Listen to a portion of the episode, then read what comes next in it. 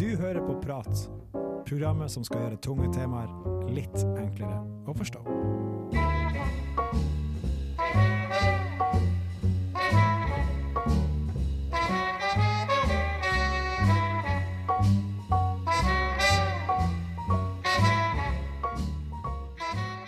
Mitt navn er Jørgen Steen, og i dag skal vi prate om sosiologi. Jeg har med to professorer i sosiologi og masterstudent Øyvind Hauge, som skal fungere som språkvasker når fagterminologien blir litt for intern. Vi skal prøve å få frem hva sosiologi er, og gi dere innblikk til hva sosiologer holder på med. Vise hvordan faget har hjulpet livene våre, og hvilke spørsmål sosiologer prøver å finne svar på. Og med meg i dag for å svare på dette har jeg Aksel Tjora. Han har en doktorgrad i sosiologi og en sivilingeniørgrad i datateknikk og industriell økonomi. Han er professor i sosiologi ved Instituttet for sosiologi og statsvitenskap på NTNU. Også i dag har jeg med meg Arve Gjelseth. Han har en doktorgrad i sosiologi og er førsteamanuensis ved samme institutt. Vi kan starte med deg, Arve Gjelseth. Ja, det kan jeg godt. Eh, Jeg har jobbet på instituttet her på Dragvoll i Trondheim siden 2008. Har også jobbet der i perioder før, men eh, er eh, har gjort en del annet forskjellig også. Jeg underviser, og når jeg forsker, så driver jeg med ting som ligger i skjæringspunktet mellom det vi kaller idrettssosiologi og mer allmenn kultursosiologi. Uh, mye av det jeg har forsket på de siste årene, det er knyttet til det jeg kaller mm, personlig for publikumsforskning.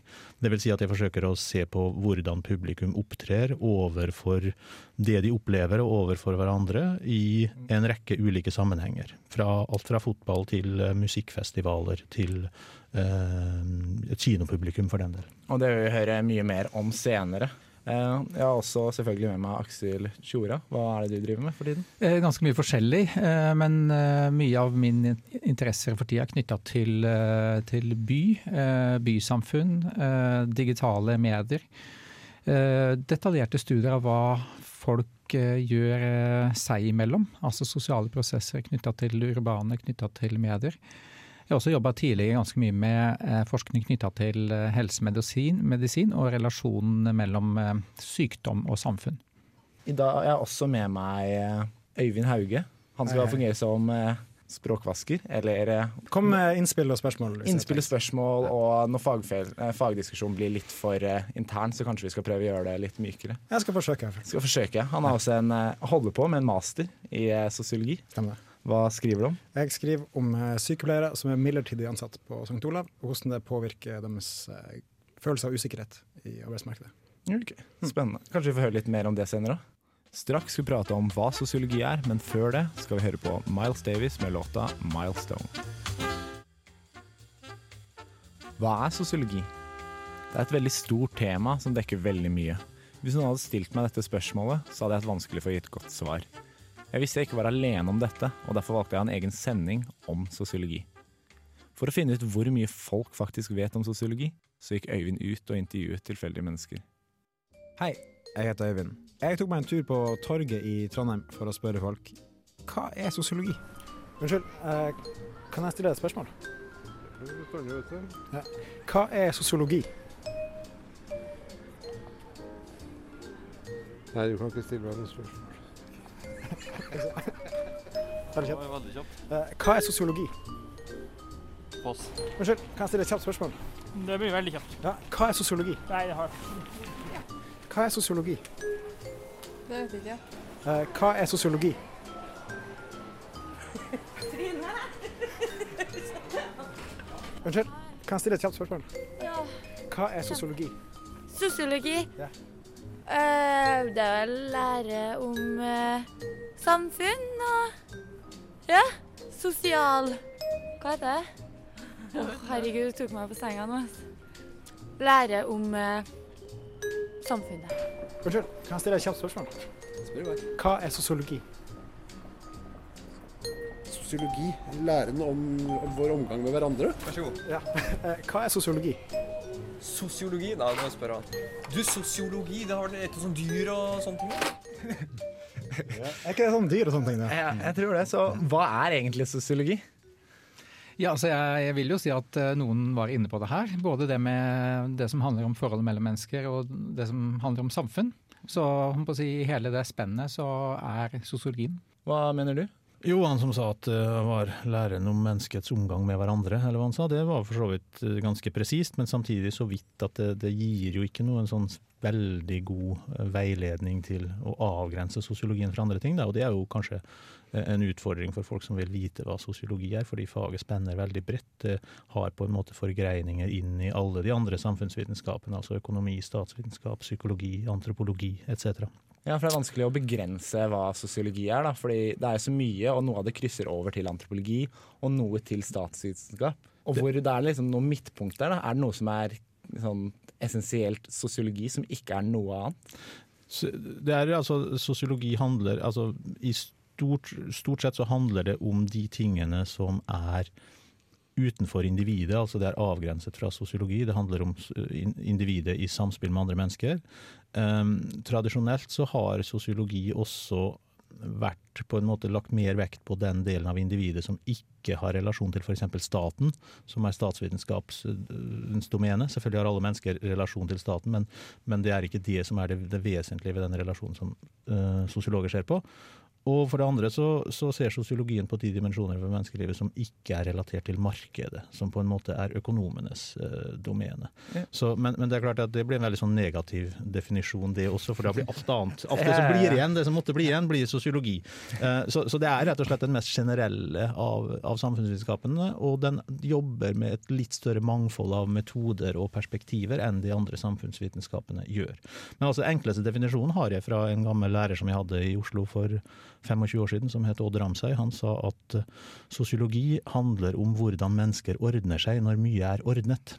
Og det fanger opp ganske mye, fordi altså det, det, handler om på den ene siden at vi har noen rammer og institusjoner og kulturer som setter grenser for hva vi kan gjøre altså hvor mye er ordnet. Men samtidig så har vi fleksibilitet, mulighet til selv å ordne oss innenfor denne rammen. Så det syns jeg er en ganske sånn talende definisjon.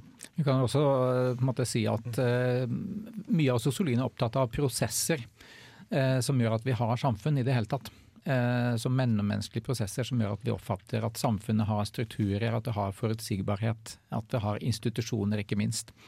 Så forklaringen på Eh, hvordan samfunnet ser ut, eh, kan man finne en del av i eh, la oss si, den beste delen av sosiologien.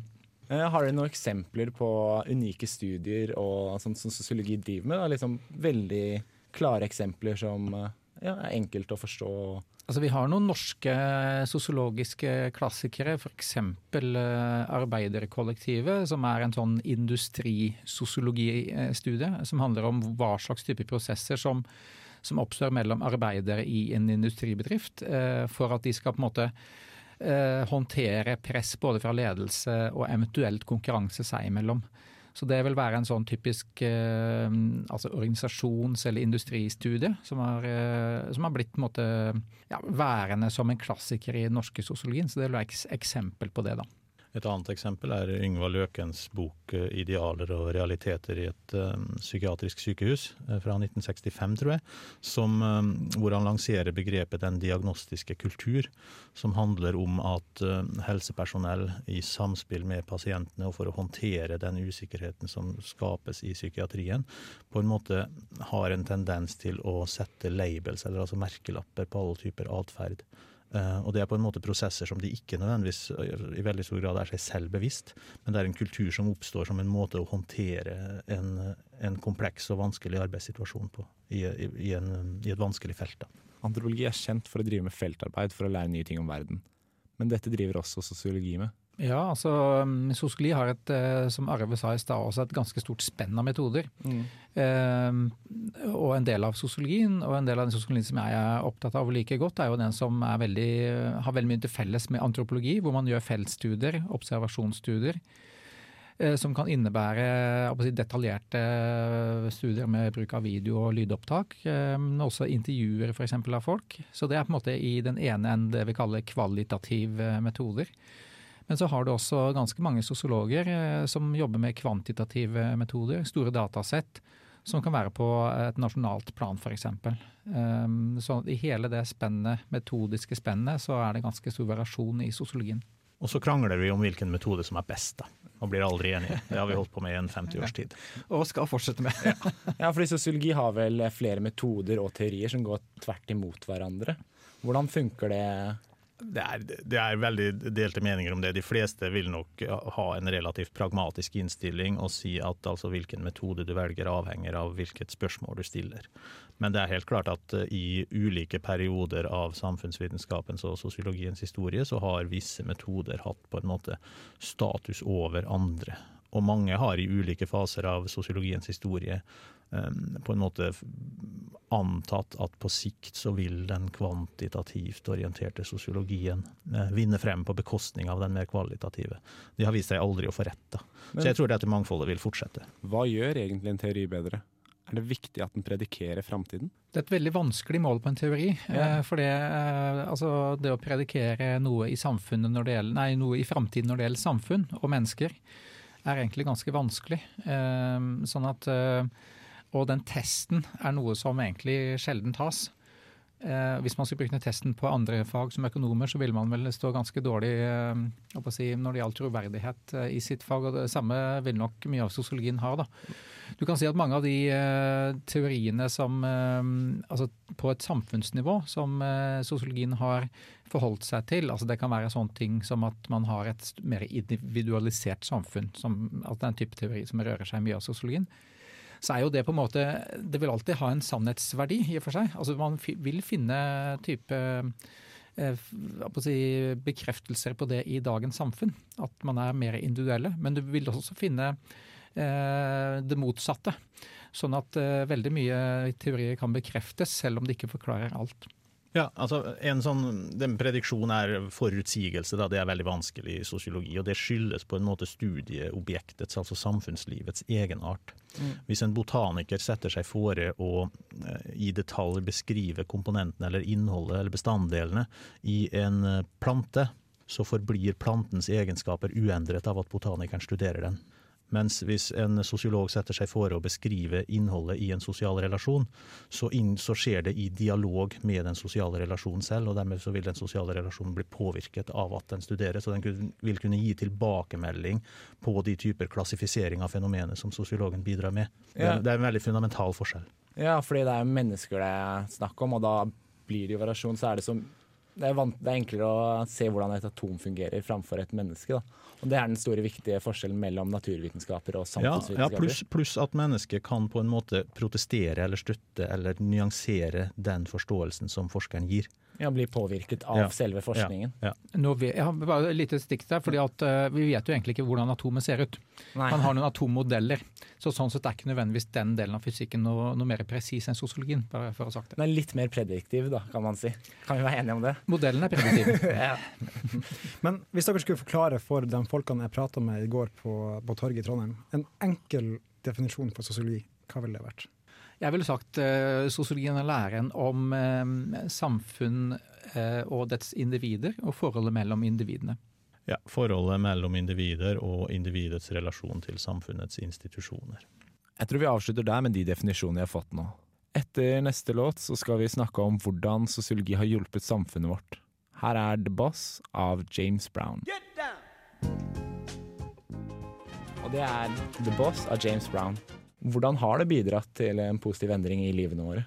Ja, Om det, på endringen er positiv eller negativ, kan man jo spørre om. Det er ikke alltid at mer kunnskap gjør oss lykkeligere. Eh, Men eh, altså, sosiologi kan bl.a. bidra til å hjelpe oss å forstå samfunnet vi lever i bedre. Eh, Av og til så kan det bidra til å på en måte korrigere eh, feilaktige, eller i hvert fall eh, omtrentlige oppfatninger av samfunnet som vi har. Et eksempel er f.eks. at sosiologien har vist gjennom flere generasjoner at eh, til tross for statens lånekasse for utdanning, og til tross for ideologien om at alle skal ha eh, de samme muligheter og sånn, så er det en veldig skjev rekruttering til høyere utdanning. Eh, sjansen for å begynne å studere juss, og, og kanskje enda i større grad å fullføre et jusstudium, er vanvittig mye større hvis du har foreldre som selv er jurister. Eh, hvis man har akademikerforeldre, så er sjansen for å fullføre høyregradseksamen veldig mye større enn for eh, befolkningen generelt. Sånn har det vært bestandig. Samtidig så viser studier at folk tror at eh, utdanningsgodene, som det kalles, er mye jevnere fordelt sosialt enn de egentlig er. Og Det betyr at i den forstand, og det gjelder da særlig kanskje kvantitative studier, så kan de på en måte bidra til å korrigere feiloppfatninger av hvordan samfunnet ser ut og er, og er konstruert. Et annet eksempel som ikke går så mye på å korrigere, men på å eh, på en måte begrepsfeste ting som vi kanskje vagt aner, men som, som vi selv ikke kanskje er i stand til å artikulere så godt bestandig, er um, mer sånn studier, observasjonsstudier f.eks., av hvordan folk opptrer i ulike situasjoner.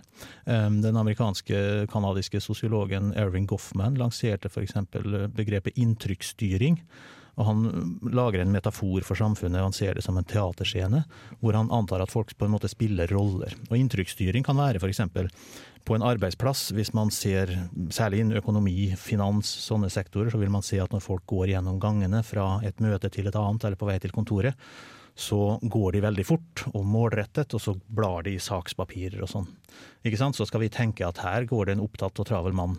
Men det, det, ofte så er jo dette fra denne persons perspektiv en måte å fremstille seg selv på. Han, ja, han snakker jo om det backstage, ja, frontstage. Han vil skape et bestemt inntrykk av seg selv. ikke sant? Det kan hende han ikke har det travelt i det hele tatt. Det kan hende han bare later som han blar gjennom papirene, at han tenker på um, kvelden på byen i forveien og sånn. Men, ja. men, det er inntrykksstyring. Han, han, forsøker å fremstille seg selv på en bestemt måte i andres øyne.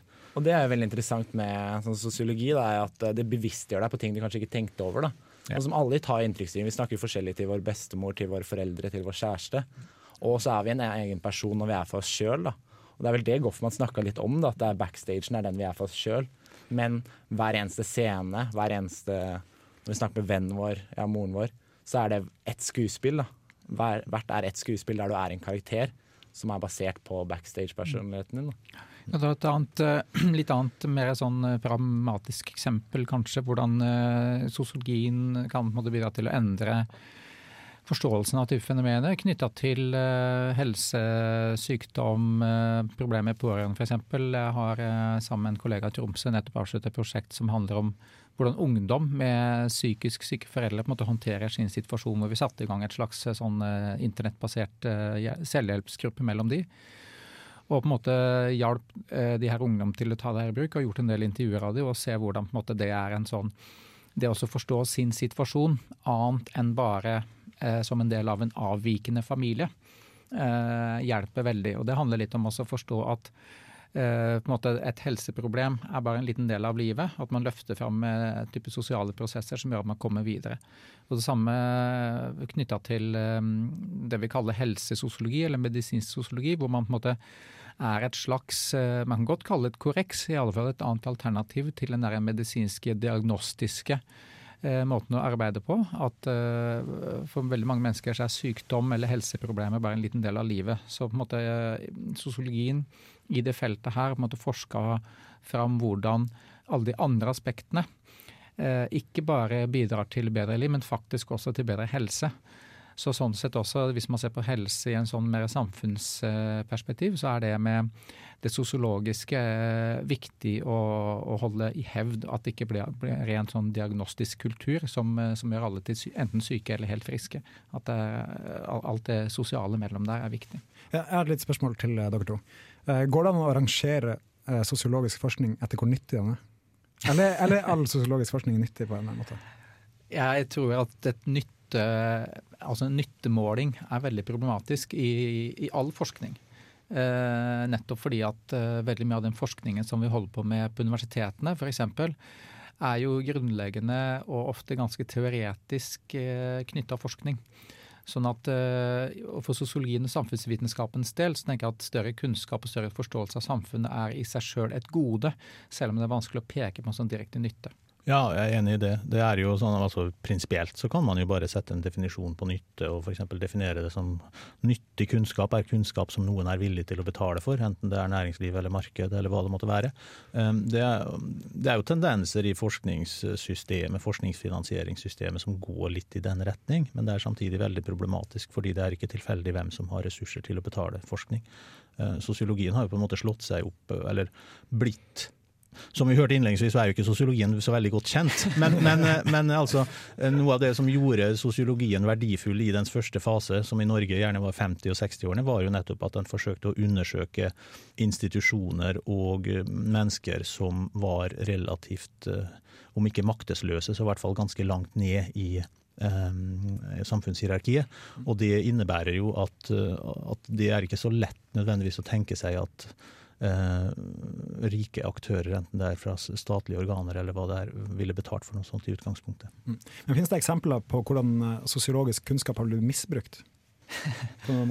ja, det finnes haugevis, eh, men det er vanskelig å tenke seg noen konkrete eksempler. Men, men si, et eksempel som jeg av og til har tenkt på, det er altså den franske sosiologen Pierre Bourdieu, som har utviklet et sånt begrepsskjema som skiller mellom Eh, økonomisk og kulturell kapital, annet. Eh, Bourdieu har en veldig kritisk innstilling til alt som har med marked og, og, og makt og sånn å gjøre. Samtidig så er eh, Bourdieus begrepsskjema en gullgruve for, for, for, aktører som vil drive målretta markedsføring.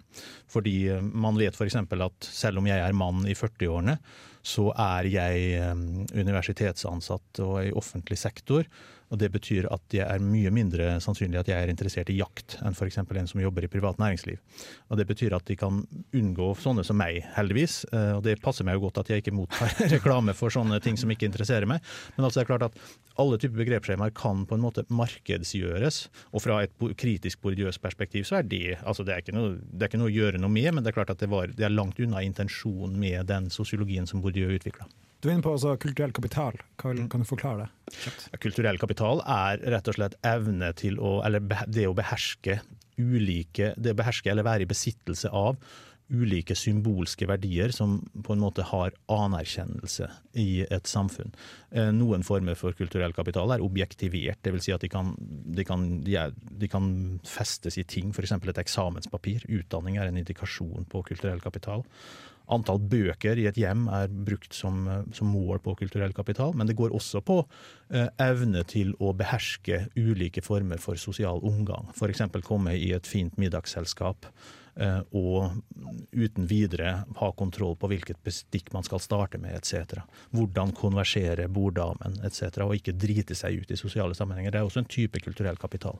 Litt sånn Avslutningsvis vil jeg lure på, hva er det viktigste bidraget eller at dere skal nevne hva det viktigste bidraget sosiologi har gjort? da? Det viktigste bidraget handler om å forstå sosiale prosesser. Eh, en, og sånn, det, det, som jeg holder på med f.eks. I, i byutviklingssammenheng, så ser jeg at av arkitekter og folk som jobber med byplanlegging, så setter de veldig pris på eh, hvis eh, sosiologene kan komme opp med noen forklaringer og noen begreper som faktisk er nyttige for å forstå hvordan også det sosiale legger premisser for levende byer, f.eks. Så begrepsfestning av visse hendelser, da, så ja, forstår det lettere? Ja, altså det å kunne forstå og sette begreper på sosiale prosesser. Ja, det er jo, altså, det er jo ofte noe av det mest nyttige, eller det som den, noe av den viktigste virkningshistorien som sosiologi er, er jo nettopp å bidra med begreper som direkte eller indirekte på lang sikt flyter inn i vokabularet som vi bruker når vi diskuterer f.eks. samfunnsliv. Men hvis man skal være mer konkret, så det blir jo mer enn sånn personlig, så vil jeg si at det, en av de bøkene som virkelig fikk meg til å forstå hva sosiologi var, var Emil Dyrkheims bok 'Selvmordet' fra 1897, som jeg leste da jeg studerte grunnfag, som det het den gangen, i sosiologi i, på, sent på 80-tallet hvor han tar utgangspunkt i noe som i utgangspunktet ser ut som et ekstremt asosialt fenomen, altså selvmordet, og som et veldig sånn individualistisk handling, og viser hvordan det er forankret i samfunnsforhold. F.eks. I den forstand at um, han viser at protestanter har mye større risiko for å begå selvmord enn katolikker. Uh, han viser at uh, skilt, hvis et ektepar blir skilt, så øker sjansen for at mannen begår selvmord, mens eh, sjansen for at kvinnen begår eh, selvmord reduseres, etc. For det- det da, tar du på en måte noe som, som i utgangspunktet intuitivt er en veldig sånn individuell handling, og så ser du at det, inn, at det har på en måte en tydelig sånn sosial forankring. Da. At det henger sammen med samfunnsforhold. Ja, se ting mer i sammenheng, da. At sosiologi har greid å få eventer som vi ikke tenker så mye på over, til å se det i sammenheng i en, ja, et samfunnsliv. Ja. Øyvind, hva er det mest spennende du har lært sosiologi har gjort? da? Du har jo studert det nå i Er det femte året du holder på nå? Det er femte året nå. Ja. Um, jeg kan ta mine interessefelter først. da. Ja, ja, det, det er jo helse og arbeid det som er mest interessant for min del. da. Jeg skrev en bachelor om uh, uh, hva som påvirker langtids sykefravær. En kvantitativ studie på bachelor. Ja. Det var veldig interessant. Uh, Hva lærte du? Jeg lærte uh, at uh, kvinner påvirkes mer av det psykososiale arbeidsmiljøet, mens uh, menn påvirkes av det Psykososial? psykososial Ja. i sammenheng med andre mennesker som også jobber der. Ja. Eh, Arbeidsmiljøet generelt med andre personer. Mens menn påvirkes av det fysiske, altså hvordan arbeidsplassen er utforma. Ja, Det er det ja, det er interessant. Hovedfunnet. Etter neste låt tar vi en prat om hvilke spørsmål sosiologi prøver å svare på, og hvor de er på vei.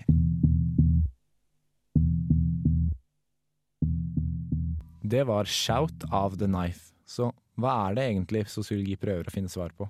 Jeg eh, personlig, og en del av den sosiologien som jeg syns er interessant, eh, prøver å finne svar på hvordan eh, bevegelser skjer, og hvordan bevegelser akselererer. Hva mener du med bevegelser her? Da tenker jeg på sånne ting som, som du har hatt altså både Hvis du har de her motstrømsbevegelsene mot kapitalismen i USA, f.eks. Um, altså en type critical mass-bevegelser. Uh, det mener jeg er noe av det som er mest interessant å se på. Og det handler litt om eh, å prøve å forstå dynamikken i, i måte hvordan eh, hvordan kommunikasjon mellom, eh, mellom mennesker oppstår, og hvordan eh, du får en sånn enorm vekst i kommunikasjon på enkelte felter. Sosiale medier er, er, sånn, beskriver det ganske godt hvordan eh, noen type Eh, altså noen type treff på YouTube-videoer eller hva det er, måtte, eh, plutselig blir enorme.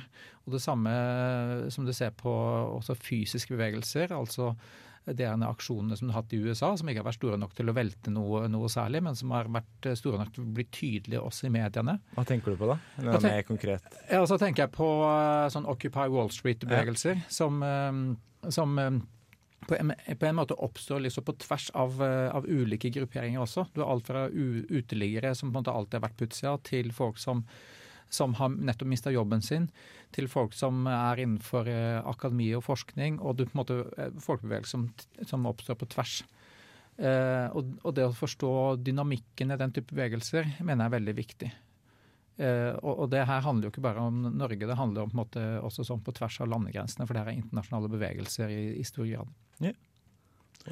Et sånn typisk spørsmål som sosiologer er veldig gode til å svare på, er eh, at summen av handlinger er ikke nødvendigvis et resultat av det som var intendert av de som handlet.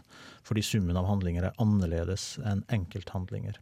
Eh, Den amerikanske samfunnsviteren Thomas Schelling eh, han har bl.a. utviklet et sånn system, eller et eh, Det er nærmest en matematisk modell for å vise at når det foregår segregering mellom ulike etniske grupper i et nabolag eller i en by f.eks., sånn at um, eh, sånne nabolag ofte har en tendens til å bli ganske enhetlige, enten et typisk innvandrerstrøk eller et typisk hvitt strøk, det kjenner vi også delvis fra Oslo, så er ikke det nødvendigvis fordi folk foretrekker å bo i et typisk innvandrerstrøk eller et typisk hvitt strøk.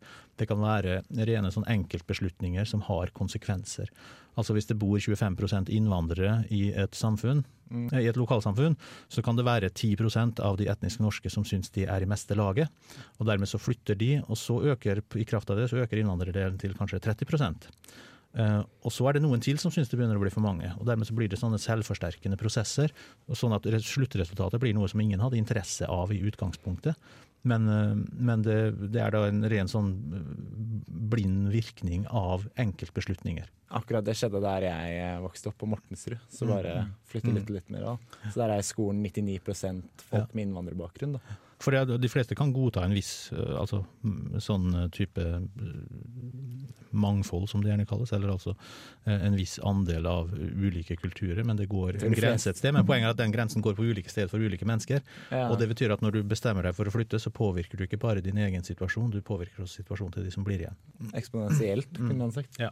Ellers så, så er det jo sånn, hvis man spør mer sånn hva sosiologien er opptatt av nå, så er det klart at i større, hvis vi ser litt bort fra akkurat hva vi selv forsker på, så er det klart at sosiologien er jo påvirket av de større samfunnsprosessene og det som er eh, problemstillinger både nasjonalt og globalt som går igjen i samfunnsdebatten. Det har skjedd en veldig vekst f.eks. nettopp på det med forskning på migrasjonsmønstre, altså innvandring, utvandring, eh, sånn, og hvordan det påvirker ulike samfunn er um, et forskningsfelt som er i kraftig vekst. Globalisering generelt, altså det at landegrenser får mindre betydning. Internett gjør at vi kommuniserer like greit med folk i, på den andre siden av kloden som gjør, du og jeg gjør nå.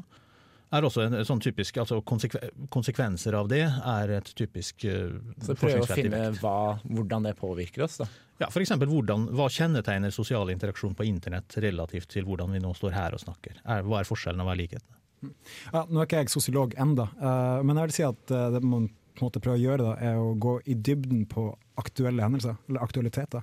Det er derfor jeg valgte mitt tema til masteren, altså midlertidige ansettelse Ja. Det var lovforslag tidligere i år fra Høyre og Frp. Ja, Og det, og det inngår jo på en måte i, et, i en sånn større, om, om ikke global prosess, så i hvert fall en vestlig prosess, nemlig på en måte omdanningen av arbeidslivet fra et system dominert av faste, trygge ansettelsesforhold for den store majoriteten av ansatte, til da en større åpning for fleksible, som det gjerne kalles med da, som er et skalkeskjul kanskje for utrygghet og Ja, ja, ja. usikkerhet. Eh, og dette er jo prosesser som er på ferde i alle, alle land, stort sett. Og det har noen positive konsekvenser. ikke sant? Det er, det er ikke sikkert at mennesker bare vil ha trygghet. Det kan hende at man, mange ser utfordringer i dette her. Men samtidig så er det klart det at um, utsikten til stadig å måtte skifte jobb og sånn, uh, er i seg selv problematisk også for mange. Men uh, hva, hvordan, dere prøver å finne svar på om det er trygt eller ikke trygt, eller om, folk, om, om det kommer til å være bra for samfunnet. Er det det dere prøver å svare på? Nei, jeg, jeg vil si at man, altså, Å studere tvetydigheten i dette her. Og så er det selvfølgelig noen grupper, eh, gjerne med utgangspunkt i sosial, plassering i sosialt hierarki, som er mer utsatt for disse prosessene enn andre. Selv så sitter vi trygt og godt på Dragvoll. At uh, veldig mye av det vi studerer er basert på å snevre inn på et type tema. Det kan være et case eller noen type, eh, noen type mennesker man, man studerer. F.eks. som Øyvind som studerer midlertidig ansatte på et konkret uh, sykehus. Eh, Men målet er jo på en måte å forstå prosessene knytta til å ikke ha den faste stillingen og den tryggheten det medfører, som en mer sånn generell ting. Så du kan si at eh, veldig ofte så snevrer vi inn eh, forskning til å kunne forstå ganske detaljert ved fenomener. Men hvor mye av målet er også å forstå litt sånn større bredden og konsekvensene av det også på et samfunnsnivå. Hvordan finner du ut konsekvensene av noe? Hvordan ville det gått fram? Ja, Det er jo litt tilbake til det som vi var inne om i stad, det med begreper. Du kan si at hvis eh, altså Arve var innom eh, liksom, eh, begrepet fleksibilitet ikke sant, i stad. Og man kan si at fleksibilitet er noe av argumentet som arbeidsgivere bruker for midlertidig eh, ansatte, og dagens regjering bruker det også uh, for å si at det er mer fleksibelt for la oss si, nye bedrifter å kunne ha eh, kontrakter istedenfor fast ansettelse. Uh, vil på en måte da gå inn mer nyansert og se ok, hvordan opplever man den her fleksible situasjonen. Er det noe som man er ute etter, eller er det noe som er en hindring for en eh, forutsigbarhet for å kunne stifte familie og den type ting? da. Ja, fordi Fleksibilitet er jo et vete der. er sånn, hvis noen sier du kan komme på jobb når dere vil, så hadde dere vært en positiv fleksibilitet for dere. Men eh, hvis fleksibiliteten er at dere kun kan komme på jobb der og der, så har dere mer fritid, da, som deltidsansatt ofte er. da, Ja, Hvis ikke er altså- Ja, som Baksiden av fleksibilitet som vi ser, det er jo usikkerhet. ikke sant? Og det med usikkerhet knytta til jobb, eh, inntekt, eh, går jo ikke bare utover seg sjøl heller. Det går utover eh, både det med eh, familie, det går utover muligheten til å ha en fast bosted eventuelt. ikke sant? Så det har den konsekvenser som, som eh, ikke bare handler om akkurat denne ansettelsen, men det handler om en, måte, en forutsigbarhet i livet som er ganske viktig for folk flest, og som vi faktisk i det norske samfunnet har hatt, eh, eller vært vant til å ha. Sånn at det, det er en endring som er kanskje større enn det vi aner. Det argumentet som brukes for eh, økt fleksibilisering, er jo at man kan skreddersy sin egen CV. Men det er mitt mål er da å finne ut om det her gjelder i helsevesenet også. For det brukes mest om sånn IKT-arbeid og sånne ting. da. Hvordan skreddersyr man en egen CV med å ha fleksibilitet? Nei, At du kan hoppe fra jobb til jobb, at du er, som, du er, du er klar til å ta en ny jobb hvis du eh, har lyst på det. da. Men hvordan er egentlig denne fleksibiliteten? Er den sånn, kan du velge det sjøl? Har jeg muligheten til å velge eh, fleksibilitet som i at jeg har en fast tid? For det er noen som foretrekker syv til tre hver dag, og det er fleksibiliteten de liker med det. Er, eller det blir ikke fleksibilitet, da det blir mer det de vil ha, er den faste greia. Det jeg undersøker, det, det er jo midlertidig ansatte. Altså alle Ja. folk som har en kontrakt som går ut på et eller annet tidspunkt. Uh, og det er da, sånn som jeg ser det nå, før jeg begynte å in, in, uh, intervjue folk, er jo at det er en fleksibilitet for arbeidsgiver, og ikke for arbeidstaker. Ja, og det er det som er, vet du. Mer fleksibilitet i arbeidslivet. Hvem får mest ut av det? Det er jo eh, et eksempel på, på måte, at man griper tak i et eller annet fenomen? Som, som beskriver også en samfunnsendring. Og Der er måte sosiologien opptatt av eh, måte spennet mellom individene og hvordan individer håndterer en situasjon. Og hvordan det også eh, gjør at samfunnet endrer seg over tid. Så det, du kan si at det at uh, man går fra uh, altså typisk modell med faste ansettelser til flere og flere kontraktfesta arbeidsavtaler, eh, midlertidige ansettelser, deltidsstillinger, gjør at, måte, at koblingen til arbeidslivet for mange folk er litt annerledes. Det er ikke den stabiliteten, det er ikke den identiteten som det har vært eh, hvis vi bare går kanskje 20, 20 år tilbake i tid. Og det å prøve å beskrive den endringen litt i detalj, eh, det gir oss mulighet til å prøve å forstå også hvordan samfunnet endrer seg i, i, altså utover kun arbeidsliv og tilknytning til arbeidslivet. Er, eh, det jeg begynte å tenke på, er heltidsansatt en måte å uttrykke sin fleksibilitet? At du vil ha heltid? At du vil være fulltid? Syv til tre? Er det Gjennom den tryggheten som en stabil arbeidshverdag skaper, så er det klart at åpningen for fleksibilitet i resten av tilværelsen er større. Ja, og da blir Eh, men, men samtidig så er det klart at det de fleste forstår med fleksibilitet, er jo at man f.eks. har friere arbeidstid. At man har, sånn som man i stadig større grad har i arbeidslivet, at man ikke er regulert av klokka, men av prosjekter som du kan jobbe med, og som du har en sluttdato, og som du kan fullføre når og på hvilken måte du vil. Men Mm. hvor på en måte testen er om det er bra nok når deadline kommer. Veldig mange flere enn før jobber jo på den måten, og det betyr at det med sju til tre eller åtte til fire eller eh, hva det måtte være, det er, det er aktuelt for en mindre grad, del av arbeidsstyrken enn før. Da. Og bak, baksiden av den typen fleksibilitet er jo tilgjengelighetstyranniet, kan man si. Det at i og med at man jobber når man vil, så betyr det at man jobber om ikke mer målt i antall timer, så er man på stadig oftere og på stadig flere tidspunkter. Sånn at uh, man forventes å svare på en e-post som kommer klokka halv elleve på kvelden uh, før morgenen kommer også. I hvert fall så er det en viss sånn stressfaktor at man føler at man hele tiden har noe å gjøre, sånn at det er et, nærmest et offer på jobbens vegne å måtte ta seg fri, på en måte. De fleste gjør jo det rett som det er. Folk må sove, folk skal på ferie og sånn. Men selv på ferie så er det mange som sjekker e-post, ikke sant. Etter neste låt skal vi ta en prat med professoren om hva de er aktuelle med. Og det var 'Fluorescent Adolescent' av Arctic Monkeys. Og du hadde med den, Øyvind. Hvorfor? Ja, nei, det handler om det at uh, unger i dag blir uh, voksen mye tidligere enn før. Det Syns du det? Uh, jeg vet ikke om jeg syns det, men uh, låta handler om det i hvert fall. Det at uh, ungdom får inntrykk av narkotika og sex og sånne ting tidligere gjennom media, og da på en måte vokser opp tidligere, i anførselstegn. Jeg bare tenkte på det. Det er litt uenig fordi man, nå er jeg fortsatt 25, studerer, tar ting litt roligere. Mhm. Mens før så ville man vært ferdig i arbeid, jobba kanskje til en familie da, på den alderen. Men det blir vel Ja, sånn litt hva er, hva er det å være voksen, da? Er dere enig? Narkotika og sex, er det å bli voksen? Nei, jeg vil si det er å være ungdom. Altså det er, det, jeg er definitivt ikke enig i at man blir voksen tidligere. Eh, De fleste definisjoner på voksne innebærer jo på en måte det å kunne forsørge seg selv. Og det er jo ikke Selvstendig. Men jeg, jeg tror på en måte at det finnes en del eksempler på at eh, barn blir ungdom tidligere. Mm. Sånn at du får en veldig lang ungdomstid som Mm. utvides i begge ender. Vi har jo et begrep om unge voksne, altså som, som beskriver på en måte Før så snakket man om tenåringer, ikke sant. Eh, Det var greit å drive med videregående og sånn, men de fleste begynte å jobbe i hvert fall når de var 21 og 20. I dag så snakker man om unge voksne, så en tid som kan vare helt til man er 30. ikke sant? Og hvor ansvaret er lite. Man har fortsatt ikke familie, man er fortsatt ikke i fast jobb, men har diverse nettopp fleksible deltidsjobber da, Ja, ja, ja. mens man studerer. Litt sånn som meg, Øyvind. Eh, Da vil vi se litt egentlig på hva er det dere driver med. Vi kan starte med deg, Arve. Hva gjør dere nå? Det Nå står jeg i et radiostudio. Eh, ellers så forsk, Som jeg sa innledningsvis, så forsker jeg og underviser. Eh, jeg underviser mest da i eh, noen studieprogrammer som eh, instituttet har i idretts, samfunns- og idrettsvitenskap, heter det. Så jeg underviser mest i idrettssosiologi. Eh, forskningsmessig så er jeg litt bredere orientert, men som jeg sa så driver jeg for tiden, ikke utelukkende, men mest med det jeg kaller for publikumsforskning.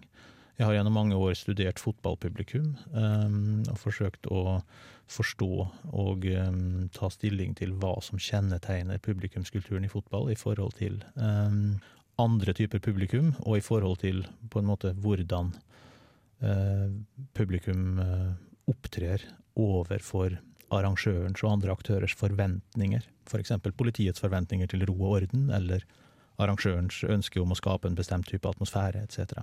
Hvordan skaper de den atmosfæren, eller hva gjør de for å få det som de vil? da? Nei, fotballpublikum er i forhold til mange andre typer publikum ganske opposisjonelle i sin grunnholdning. Og det er det som et fint ord kalles subversive, ofte, overfor eh, arrangørens intensjoner. Med subversiv så forstår jeg undergravende. Eh, de latterliggjør ofte eh, forsøk på å bli regissert som, som arrangøren. Altså hvis eh, du kan tenke, Sammenligne et, et fotballpublikum med et tennispublikum. da. Før en avgjørende ball i Wimbledon-turneringen i tennis, så er det litt sånn hoiing og skriking på tribunen, og man venter spent på hvordan matchballen skal gå. Men idet spilleren gjør seg klar til å serve, så sier speaker alltid 'quiet, please'. Og så etter en to-tre sekunder så blir det da stille. For normen i tennis er at man skal spille i den ytterste stillhet. Akkurat Tennis har mye mer til felles med sjakk enn med fotball, sånn sett, ikke sant. Og, og, hvis noen roper idet spilleren kaster opp ballen for serve, så kan spilleren avbryte serven og si at nei, her er det ikke rolig nok, jeg må få, jeg må få gjøre dette på nytt. Men tenk om en uh, spiker på en fotballkamp før et avgjørende straffespark i en straffesparkkonkurranse hadde bedt publikum være stille. Ja, så hadde han blitt møtt med latter. Det, det, det, er helt utenfor den horisonten, ikke sant. Kan man si at støy på tribunen er positivt korrelert med antall spillere på banen? Um, det er et uh, godt spørsmål. Det kan nok være noe i det, men, men Jeg ser på tennis og sjakk så er det jo to stykk. Mens Ja, men det finnes vel altså F.eks. i boksing så er det ikke noen forventning om at man skal være stille. Tvert imot. Uh, jeg tror det har litt noe med sosial klasse å gjøre. Altså Jo høyere status, uh, høyere klasseposisjon idretten har, jo mer dannet og stille opptrer publikum. Um, så det med, altså Når fotballsupportere agerer så opposisjonelt og på egne premisser som de gjør, så er det gjerne fordi de forsøker å reprodusere den forestillingen de ofte har om at fotball historisk er en sånn arbeiderklasseidrett. Og arbeiderklasseidrett er Språket der er litt sånn vulgært. Selv, altså, et av mine favoritteksempler er han som i mange år har vært redaktør for Vålerenga-supporternes viktigste internettside. Han er professor i astrofysikk. Og han tilhører da et sjikt som uh, koser seg ofte med rødvin på fredagskvelden og sånn. Ja. Men idet man kommer på puben for å ta et, ta et, par glass før fotballkampen, så er det øl som gjelder.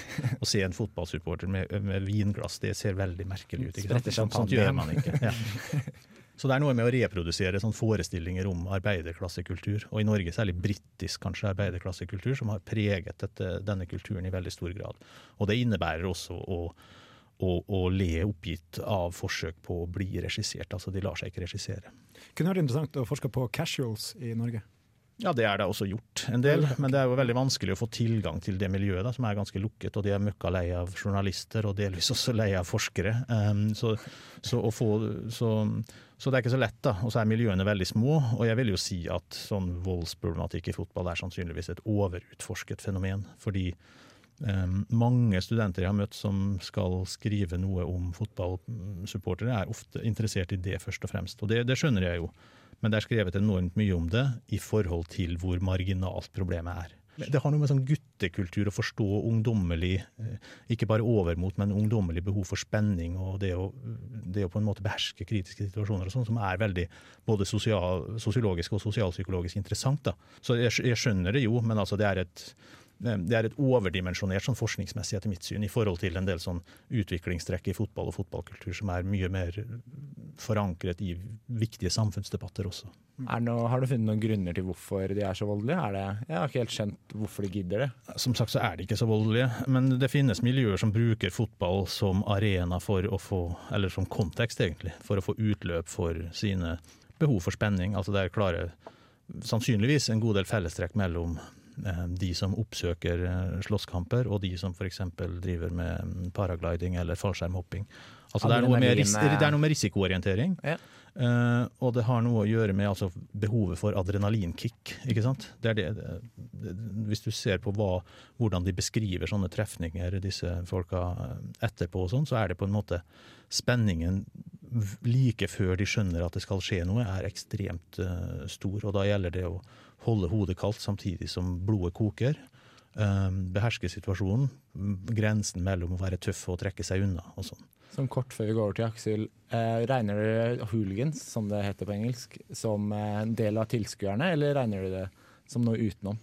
Nei, jeg vil vel si at de regnes som en del av tilskuerne i de fleste tilfeller. Altså Grensen går jo ikke ved hvordan de oppfører seg på kamp nødvendigvis, men om de er opptatt av fotball. Ja. Og de fleste av dem er det, selv om det er klart at sånne miljøer tiltrekker seg også elementer som ikke er interessert i fotball. Det er et lag man Nå er det veldig for, typisk da, at nå, eh, nå gikk det ca. to-tre minutter, så begynte dere å spørre om voldsproblematikk og sånn. Og jeg syns som sagt det er et veldig overdimensjonert problem, og ikke minst altså sosiologisk så er det heller ikke det mest interessante for tiden. Nei. Da får vi gå over til noe mer interessant, som er Aksel. Ja, om det er mer interessant for gutteklubben, det får vi se på. Ja, altså, jeg har eh, mange ulike sånne forskningstemaer som jeg jobber med for tida, men jeg kan uh, ta et lite dypdykk i et par. ene uh, handler om det å uh, være uten internett eh, som en måte å forske på internett på.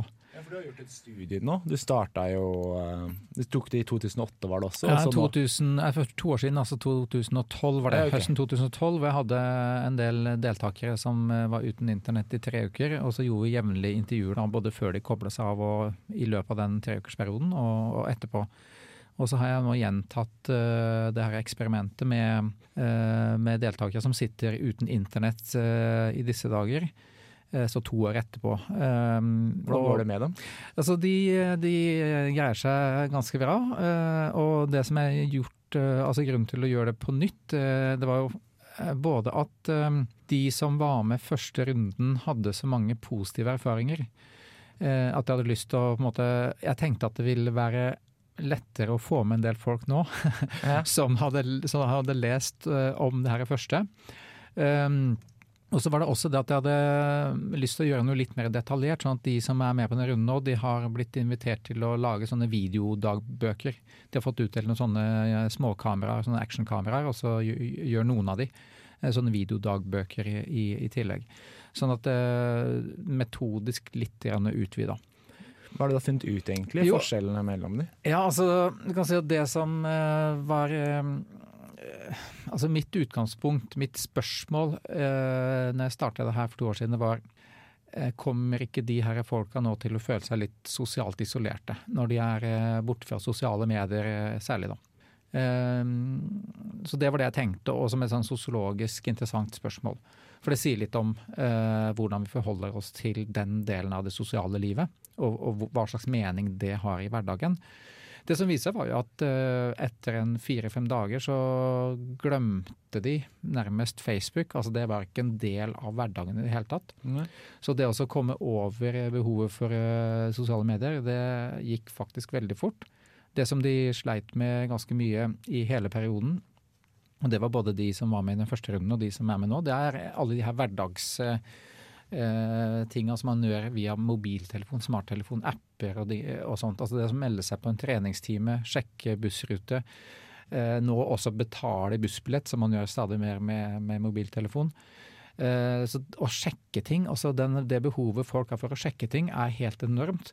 Og det er noe som på en måte har oppstått med internett i stor grad. Altså man må, hvis man lurer på noe, så må man på død og liv sjekke det i dette sekund, altså på Wikipedia eller hva det er. Og det fenomenet er i seg sjøl også interessant, mener Jeg jeg. tar meg selv og gjør det hele tiden Ja, selv. ja. Sjekke hvor jeg skal, GPS. Ja. planlegger aldri noe, bare sjekker det spontant. Ja, dette er jo veldig interessant også i lys av noe vi snakket om i sted, nemlig hvordan, hvordan et fenomen f.eks. når en sånn kritisk masse. Ja. Altså jeg var, Da jeg kjøpte min første mobiltelefon, så vil jeg tro at ca. 75% av min aldersgruppe allerede hadde mobiltelefon. Eh, Jeg savnet det aldri, egentlig.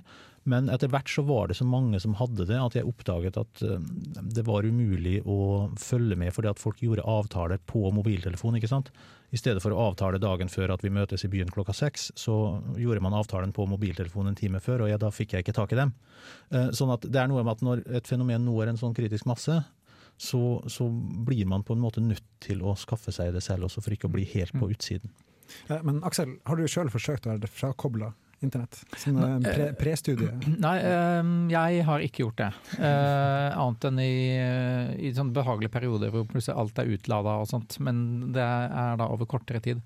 Jeg ville hatt veldig store problemer med det, grunna ganske intenst e-postbruk i forbindelse med jobb. Så, og det er, eh, det er jo en grunn også at eh, det å rekruttere folk til de her studiene har vært eh, ganske mye jobb. Nettopp fordi at folk har alle mulige gode grunner til å være på nettet, og det er særlig, særlig jobbrelaterte som gjør det, gjør det vanskelig. Da. Men det er bare en, en sånn viktig sak med, med det her, og det er at eh, de som var Uh, har vært med på det her, har hatt en del positive opplevelser. Og faktisk ei av de som er med på det prosjektet nå, var også med på det først for to år siden. Så har blitt med på det på nytt. Uh, og, og det handler om uh, konsentrasjon, det å få frigjøre tid. Altså en del av de som var med, eller alle som var med, frigjorde veldig mye tid. Eh, rett og slett fordi at de var så mye kons mer konsentrert om det de ellers gjorde. Altså studier, semesteroppgaver, arbeidsoppgaver.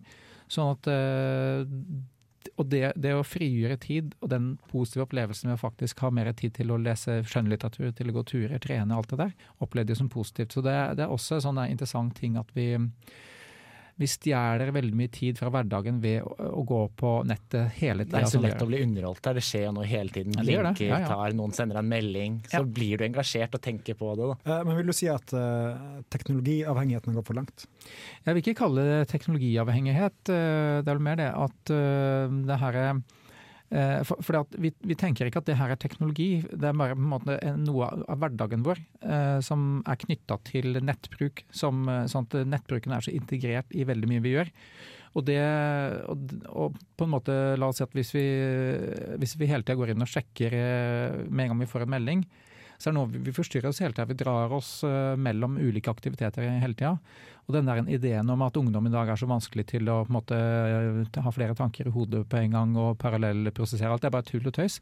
Det er fullstendig ukonsentrert mesteparten av tida. Og Derfor bruker man fryktelig mye tid på ingenting. Og det å ikke automatisk gjøre det, er det deltakerne opplever i de her eh, prosjektene. Men så er det, det er faktisk veldig vanskelig å frigjøre seg fra det, fordi at man har såpass De fleste har mange typer sånne sosiale avhengigheter og, og jobboppgaver som gjør at det å droppe ut av alt det, er veldig vanskelig. Da. Det halvåret jeg skrev ferdig min doktoravhandling, så jobbet jeg på, på Steinkjer ved Høgskolen i Nord-Trøndelag. og Det betydde at jeg, jeg jobbet en god del hjemme, men to-tre dager i uka så tok jeg toget fra Lerkendal til Steinkjer.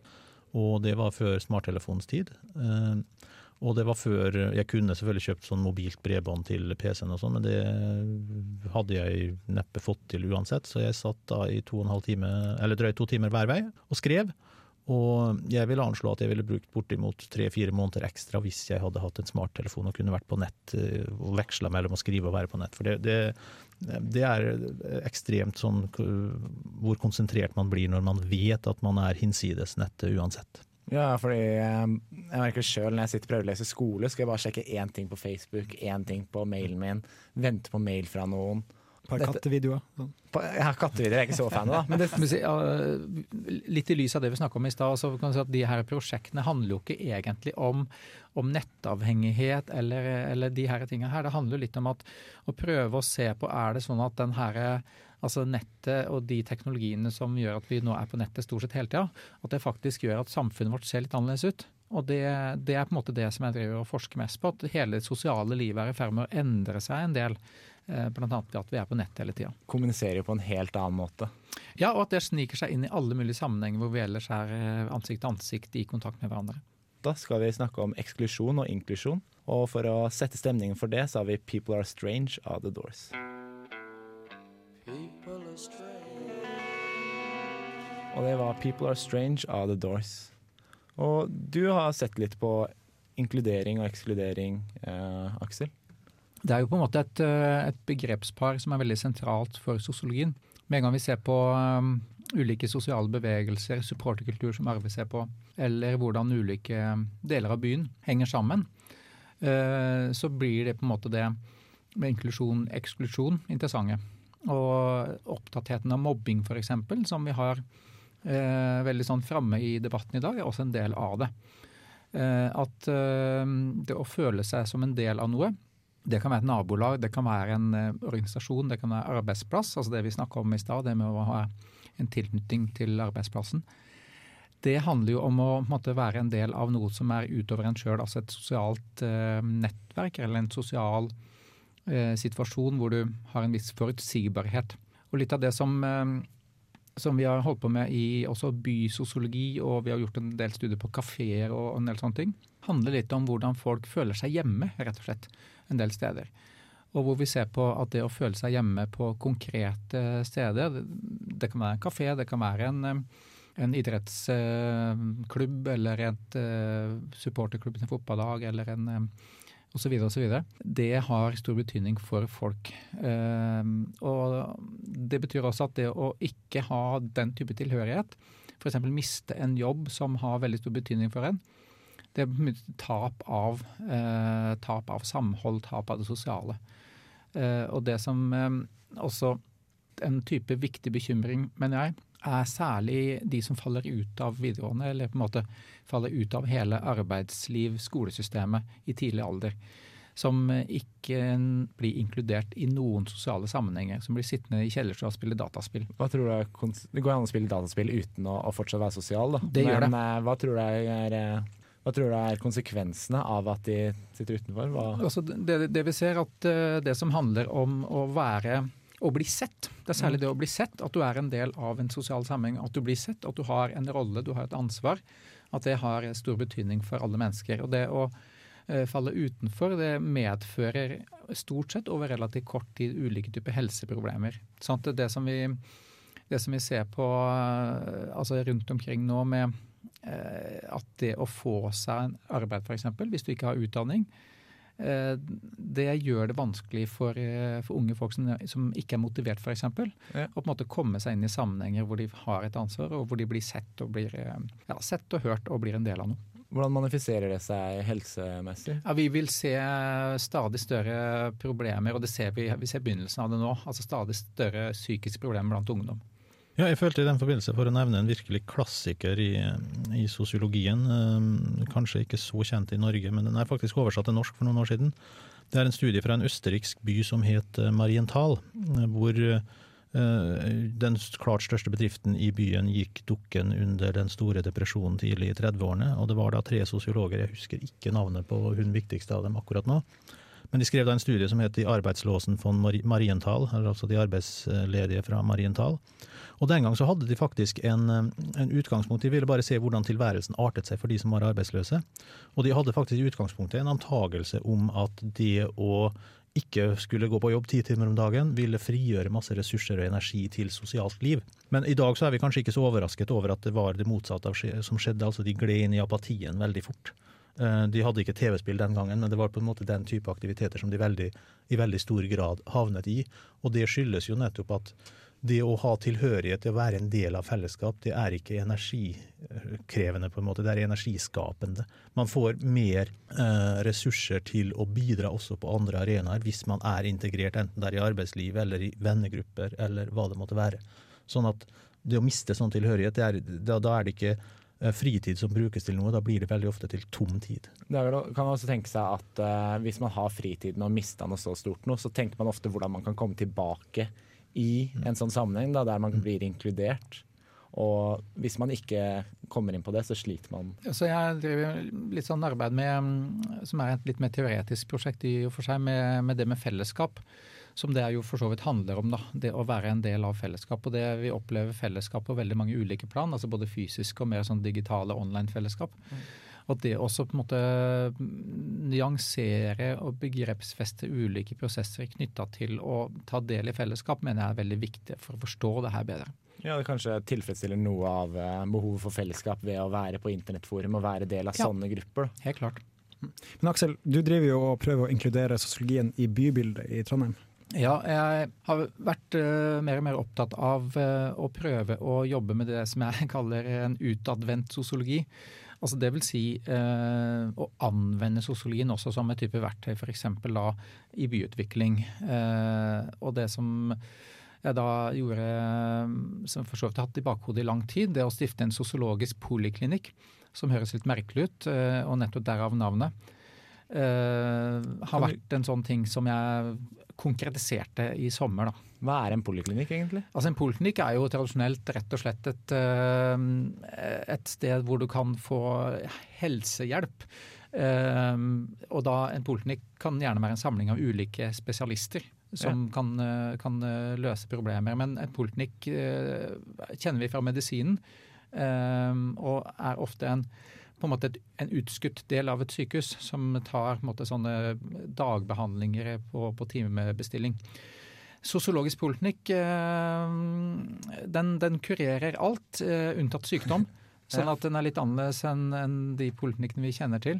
Men eh, ideen er rett og slett også å lage et miljø eh, som eh, består av sosiologer. Både en del av oss er tilknytta NTNU, en del er i ferd med å bli ferdig med sin master og på en måte stå klar til nye oppdrag.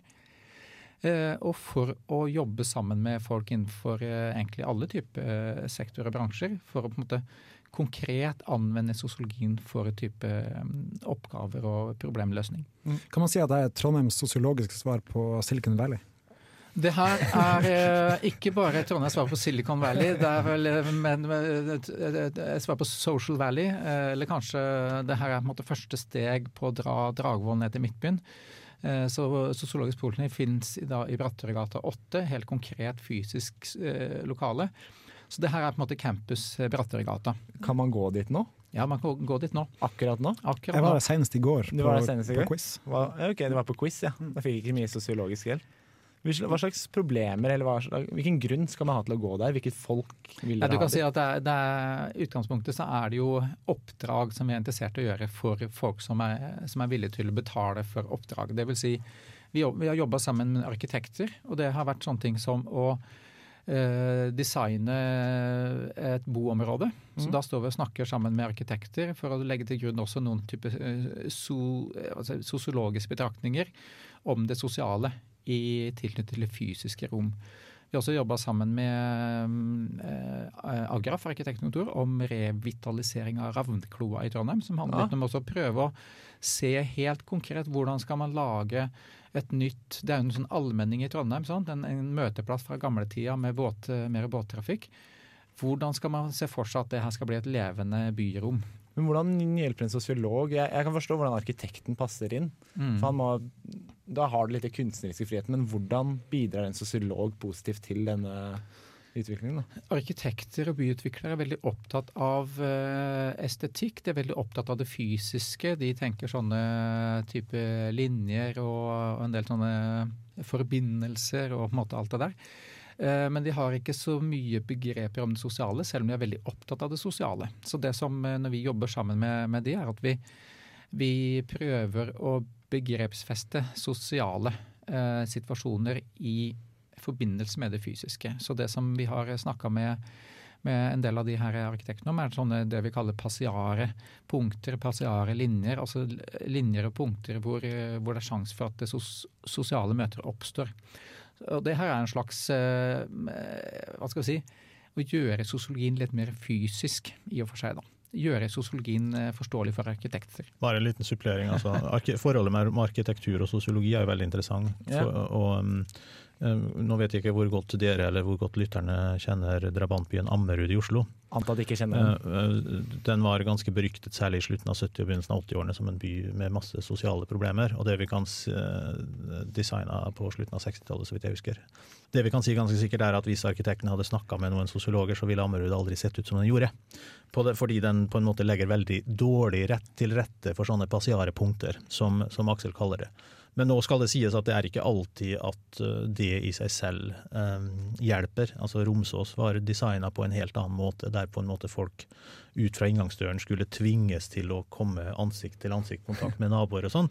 Eh, det hjalp ikke så mye, de heller. Men, men det er klart at dette, dette er den sosiale dimensjonen ved arkitektur er veldig interessant. Ja, for selv om arkitekturen er perfekt, utdannet, nei, gjort av sosiologer, byplanleggere og arkitekter, så trenger det fortsatt det kulturelle og sosiale elementet i det. da. Det er vel mer et hjelpende steg. Ja, så det er, det er nok mer enn det. for at uh, Litt av problemet med en del byutvikling i dag er at uh, arkitektene kan anse arkitekturen som perfekt, men det kan være en sosial tragedie. Ja. Altså det her eh, nye uh, barcode-greien i Bjørvika er et eksempel på en tragisk eh, byutvikling sosialt sett, selv om det kan være aldri så lekkert uh, som arkitektur. Straks skal vi prate litt om avhengig og uavhengig sosiologi. Før det hører vi på The Loner av Neil Young.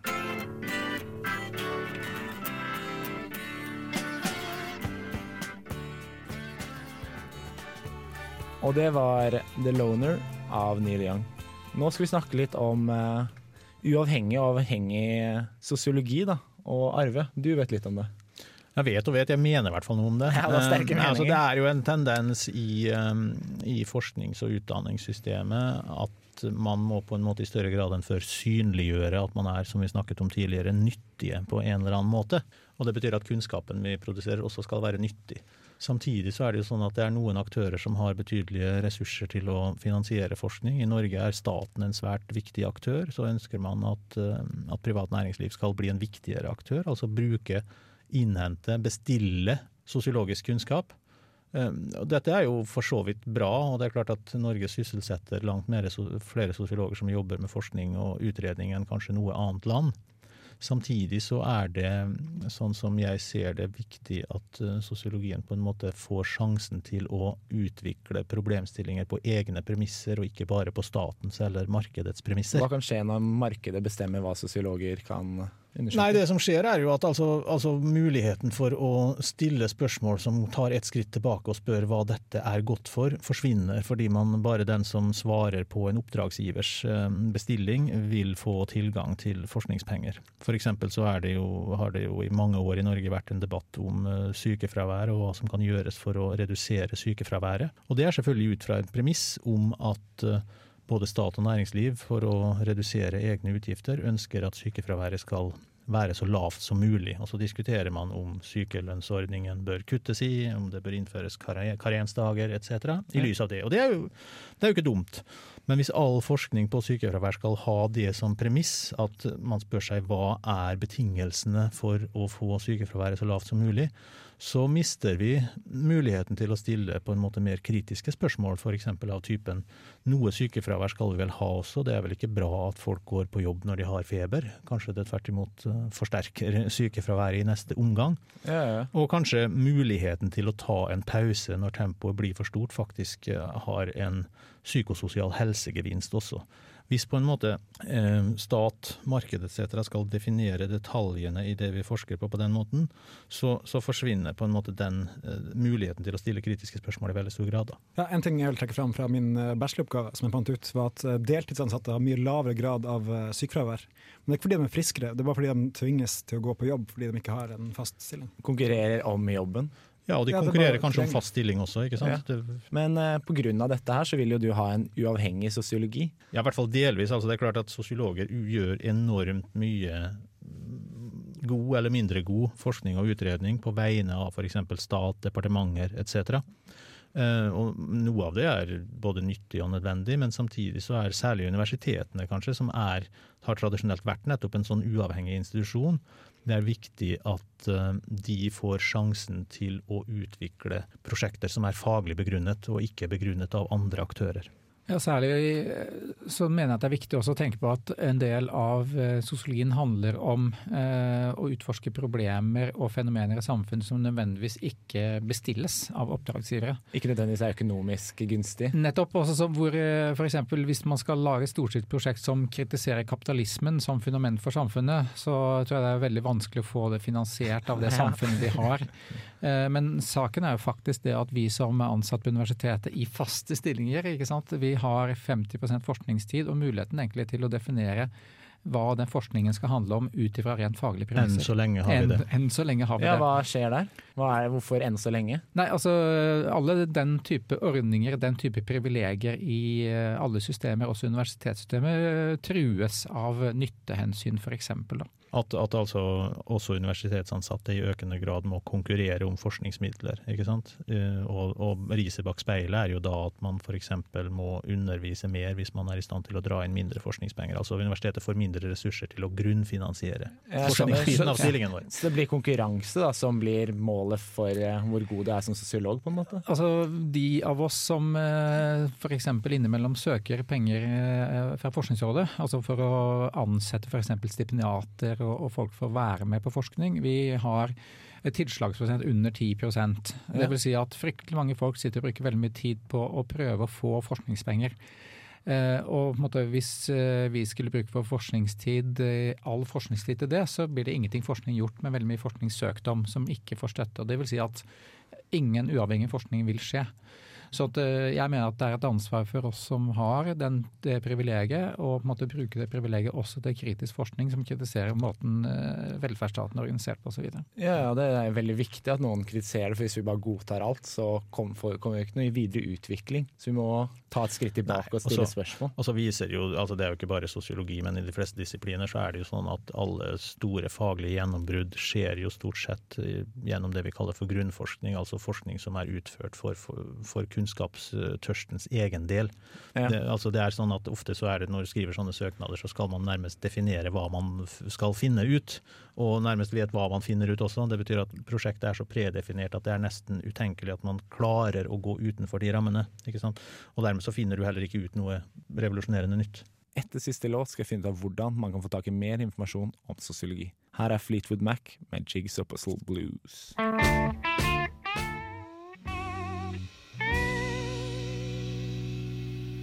Det var Fleetwood Mac med Jigs og Puzzle Blues. Nå begynner vi dessverre å nærme oss slutten. Før vi avslutter, så er det sikkert noen lyttere som sitter igjen og vil vite mer om sosiologi. Og Arve, hvordan kan de finne ut mer om sosiologi?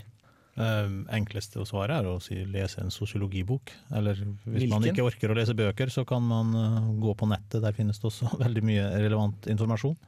Nei, men altså gi, gi virkeligheten og, og, og gi um, den eksisterende kunnskapen en sjanse til å på en måte trenge inn i, um, i bevisstheten. Det første gang jeg, jeg tror jeg hadde en vag forestilling om hva sosiologi var, men jeg gikk på videregående, jeg var vel en 16-17 år antagelig. Så fant jeg en bok eh, som het rett og slett sosiologi. Det var en typisk sånn innføringsbok eh, som jeg ble sittende i en sånn fritime og lese i, og ble dypt fascinert og bestemte meg der og da for å bli sosiolog. Så du anbefaler å lese den boka, da? Nei, jeg anbefaler den. Jeg tror ikke den er så veldig god sånn sett i ettertid, men den var, den var fengende for en, for en Har samfunnsinteressert du noe 17-åring. konkrettips? Noe, en artikkel, en bok, ett event? Øhm, på stående fot, så altså event er, det regner jeg med Aksel kan si litt om senere, men, men generelt så, så er det å, å forsøke å, å lese om sosiologi først på et innføringsplan. Les eh, 'På sosiologisk spor' av eh, Tjora og Willis eh, 2006, tror jeg det var. Eh, veldig veldig enkel bok som du får i lomma. Eh, eller så gå på Store norske leksikon, søk på sosiologi, eller eh, google litt, Janne, og kom på sosiologifestival som er på Dokkhuset helt til slutten av september hvert år. Ellers er det veldig lov å komme opp på Dragvoll. Eh, bygg 9, nivå 5, finne en av oss på kontoret der. Eller eh, stikk til Sosiologisk poliklinikk, Brattørgata 8, og stikk innom når det er folk der. Eh, så det finnes veldig mange måter å, å finne ut av sosiologi på. Sjøl begynte jeg på datalinja fordi jeg var veldig interessert i data. Men etter to år der så fant jeg ut at jeg var liksom, jeg nådde en metningspunkt. Og fant ut at eh, det er mye mer spennende med mennesker enn med datamaskiner. Uh, og det tenker jeg at ok, Hvis du er interessert i mennesker, forholdet mellom, mellom mennesker, og, og interessert i hvordan samfunnet vedlikeholdes uh, og endrer seg, så sjekk ut sosiologi og kom og snakk med oss, og så finner vi ut av det. Er det også greit å komme innom en forelesning på Dragvoll? Alle forelesninger på Dragvoll er helt åpne, så det er bare å shoppe rundt. Ja, jeg tenkte bare jeg skulle legge til noe som, jeg, som er en sånn kjepphest for meg. Da. Hvis man skulle gå så langt som ikke bare å lese om sosiologi, men faktisk melde seg opp og begynne å studere sosiologi, og befinne seg på Dragvoll eh, daglig for å gjøre det, så husk én ting. Når dere går på Dragvoll, så er dere ikke lenger på skolen, dere er på universitetet. Det, jeg ser på det som et litt sånn problematisk trekk at studenter nå sier at de skal på skolen, for studentrollen er helt annerledes enn elevrollen. Hva er den store forskjellen? Eh, Det er en selvdrevet rolle. altså Man må ta ta ansvar selv i mye større grad. Man eh, må selv bestemme når man skal lese. Man må selv ta stilling om forelesningen er verdt å høre på. Man må selv ta stilling til hvordan man skal gå frem for å forberede seg best mulig til eksamen. og sånn. Det er mye mindre eh, Man kan forvente mye mindre hjelp, og man bør utvikle en selvstendighet som gjør at elevrollen blir mye mindre synlig. Jeg tror folk sier at man skal på skolen fordi det er lettere å si enn universitetet. Skal på Dragvoll. Ja, Dragvoll. Ja, Dragvoll. To stavelser, like langt. Ja, universitetet er ikke så vanskelig å si heller. Gløs, hvis du går dit, er enda en stavelse enda bedre. Draggis kan ja, Få finne et kallenavn for Dragvoll. og kalle det. Da vil jeg egentlig takke Aksel Tjora for at han var med. Jeg vil også takke Arve Gjelseth, som tok seg tiden. Begge tok seg tiden ut av sitt uh, veldig opptatte skjema for å bli med her og hjelpe dere da, og meg å forstå hva sosiologi er. Det var bare veldig hyggelig. Så bra. Veldig hyggelig. Jeg vil også takke Øyvind, selvfølgelig. Ja, bare hyggelig å være her. ja, som var tekniker og var med og ta intervjuer og stille kritiske spørsmål. Kritisk fyr. Da er det bare én ting igjen. Ha det bra, alle sammen. Ha det bra! Ha det.